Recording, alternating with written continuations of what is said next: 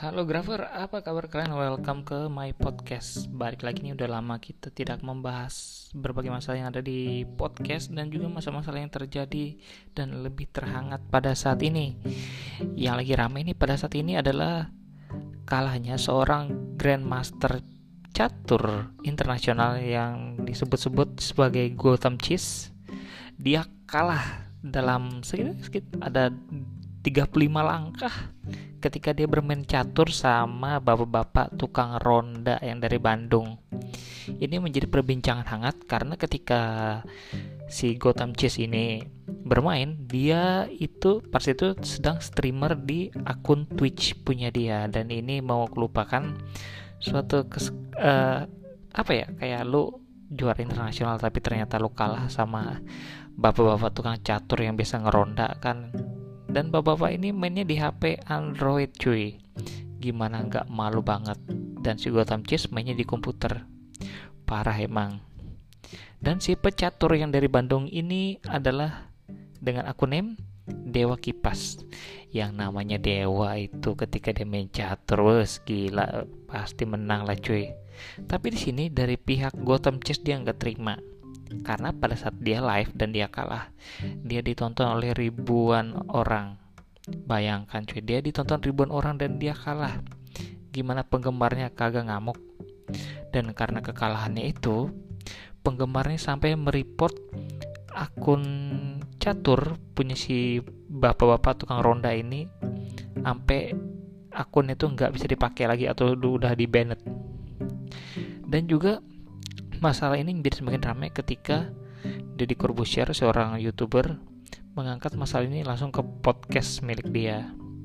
Dan akibat imbas tersebut, Deddy Corbuzier juga mendapatkan apa ya semacam surat terbuka dari pecatur dari Indonesia. Dia mengatakan bahwa hal ini tidak relevan karena bisa terjadi miskomunikasi di dalam masyarakat tweet dari Gotham Chess ini pun semakin perkeruh suasana karena dia juga sepertinya tidak terima.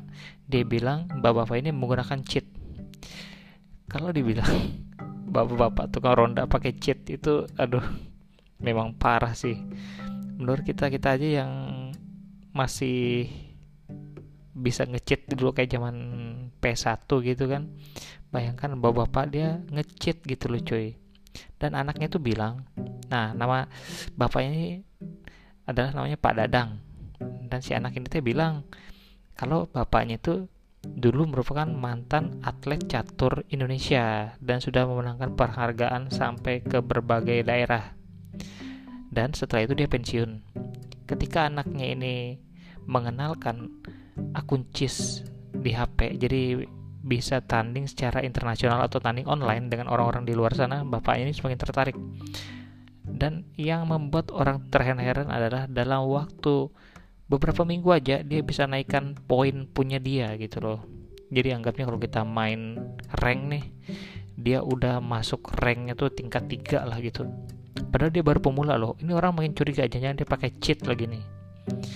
Tapi si anak ini teh bilang kalau bapak ini nih karena keranjingan main gitu dia sampai lupa waktu. Jadi kadang dia di rumah curi-curi waktu kalau lagi nggak ada kegiatan atau istrinya lagi tidur.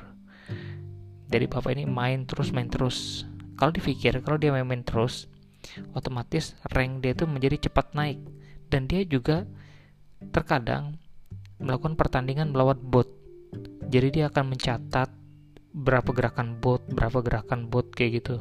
Jadi hal-hal inilah yang dipelajari oleh Pak Dadang sehingga dia mengetahui bahwa bot ini pergerakannya ke mana. Jadi semacam kayak map hacking yang dipelajari secara autodidak.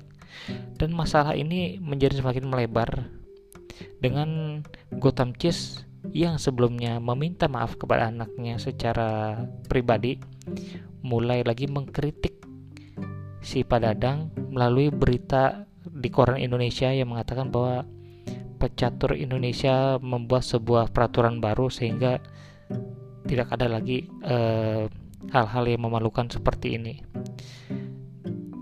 Tapi yang memalukan itu bagi Gotham Chess adalah inilah kekalahan yang malu banget cuy. Sampai akun-akun Instagram di Indonesia sampai mereport akun Gotham Chess sampai dia sampai tutup akun loh cuy. Maksudnya tutup kolom komentar gitu dan juga akun YouTube dia juga dia mau private biar uh, YouTube punya dia itu tidak terdeteksi di Indonesia.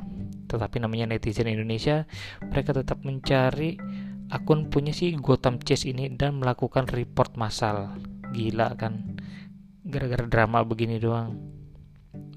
Tapi yang gue selalu sama Dadang adalah dia adalah seorang atlet nasional Indonesia yang sudah lama bertanding dan dia dihargai oleh berbagai penghargaan tetapi untuk hasil pertandingan itu dia sama sekali tidak dihargain.